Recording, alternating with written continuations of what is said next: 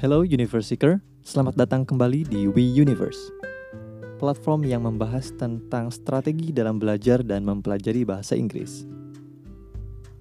Sesuai janji, di episode kedua ini kita akan membahas tentang masalah-masalah yang dihadapi oleh banyak orang dalam mempelajari bahasa Inggris.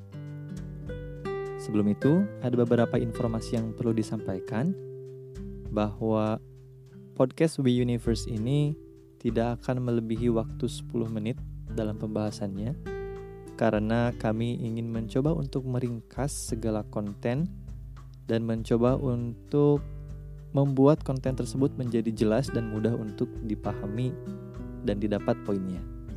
Jadi apabila ada yang bertanya-tanya kenapa podcastnya selalu sebentar, gak sampai melebihi 10 menit seperti 20 menit, setengah jam, itu karena kita ingin membuat para pendengar lebih mengeksplor sendiri strategi-strategi yang didapat dari podcast ini. Oke, kembali ke pembahasan.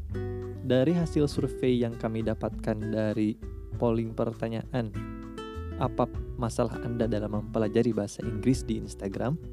Kami mendapati banyak respon. Tapi kami mencoba untuk menggabungkan dan mencoba untuk mengeksplorasi masalah-masalah tersebut di podcast ini. Masalah yang pertama adalah feeling anxious dan hesitate, gelisah atau ragu-ragu. Jadi, ini sebenarnya menjadi salah satu masalah utama ya bagi orang yang mempelajari sesuatu, tidak hanya bahasa, karena mungkin dia merasa insecure dengan dirinya yang kurang percaya diri atau karena lingkungannya yang menuntut dia untuk tidak berbicara bahasa Inggris. Ah, lu sih ngomong bahasa Inggris terus, jadinya dia jadi gak dapet temen kan. Nah, ini mungkin menjadi pertimbangan, dia jadi gelisah, dia jadi insecure, dan dia jadi ragu untuk berbicara. Di sisi lain, ada juga gelisah dan ragu itu dari konteks ketika kita sudah mempelajari banyak hal, tapi kita menjadi ragu untuk menyebutkan kita jadi gelisah jadi insecure ketika ini benar gak ya? Kita gak peduli dengan hal-hal yang di luar sana tapi kita peduli sama diri sendiri. Wah ini kayaknya salah. Jadi kita merasa insecure sendiri mencari-cari apa sih yang sebenarnya benar untuk dikatakan? Apa sih yang pas untuk dikatakan atau apa sih yang pas untuk diutarakan? Nah ini jadi gelisah dan juga ragu. Masih mikir istilahnya. Kita masih mikir ketika mau ngomong.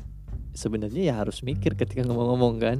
Berpikirlah sebelum uh, mengatakan sesuatu atau berpikirlah sebelum bertindak. Iya, tapi maksud dari masih mikir itu adalah kita masih mikir kata apa sih yang harus dipakai. Kata ini bagus gak sih dipakai? Atau kata yang ini yang bagus? Nah, ini menjadi uh, salah satu masalah bagi mereka yang sedang mempelajari bahasa Inggris atau sebelum mempelajari bahasa Inggris. Masalah yang kedua adalah tidak pernah practice in the real life. Itu uh, menurut responden yang selanjutnya. Tadi sebenarnya ada beberapa responden, tapi saya simpulkan. Nah ini ke responden berikutnya, karena masalahnya berbeda, tidak pernah practice in real life uh, pertanyaannya adalah kenapa? Nah, bisa jadi yang pertama karena lingkungan. Biasanya sih lingkungan, karena dia uh, dengan dia berkata atau mengutarakan pendapatnya kalau dia tuh udah jarang lagi ngomong bahasa Inggris, itu artinya dia sebenarnya mau, tapi ada masalah yang menghalangi. Nah, contohnya mungkin biasanya nih ya, ini lingkungan yang menjadi masalah seperti yang tadi, yang membuat kegelisahan, jadinya orang ini tidak pernah praktis dalam kehidupan aslinya. Dia lebih suka mempraktekkan bahasa Inggris itu dalam media sosial, contoh membuat status di Twitter atau di Facebook atau di media sosial lainnya. Uh, dia lebih secure, gak ada yang apa ya, gak ada yang oh lu ngomong bahasa Inggris terus, kayak gitu dia lebih aman kayaknya di sini. Jadi kalau di yang kehidupan aslinya dia gak pernah berbicara. Jadinya balik lagi seperti masalah yang pertama, dia akan selalu merasa gelisah, ragu, dan insecure ketika berbicara bahasa Inggris karena dia gak pernah praktek, gak pernah practice in the real life. Masalah yang ketiga adalah mengenai accent. Uh, salah satu responden berkata bahwasanya accent ini adalah masalah dalam bahasa Inggrisnya. Jadi uh, memang sih agak sulit ya karena untuk mempelajari accent, apalagi uh, accent di setiap daerah itu beberapa daerah itu berbeda-beda. Australia, India, terus bahkan China, Amerika sendiri itu kadang berbeda. Jadi terkadang kita bisa lebih tahu orang itu berbicara dengan accent mana gitu untuk mengecek uh, nationality-nya ataupun warga negara mana nih. Oh dilihat dari accentnya sih kayaknya orang ini gitu kan. Tapi sebenarnya accent itu merupakan hal-hal yang bisa dipelajari.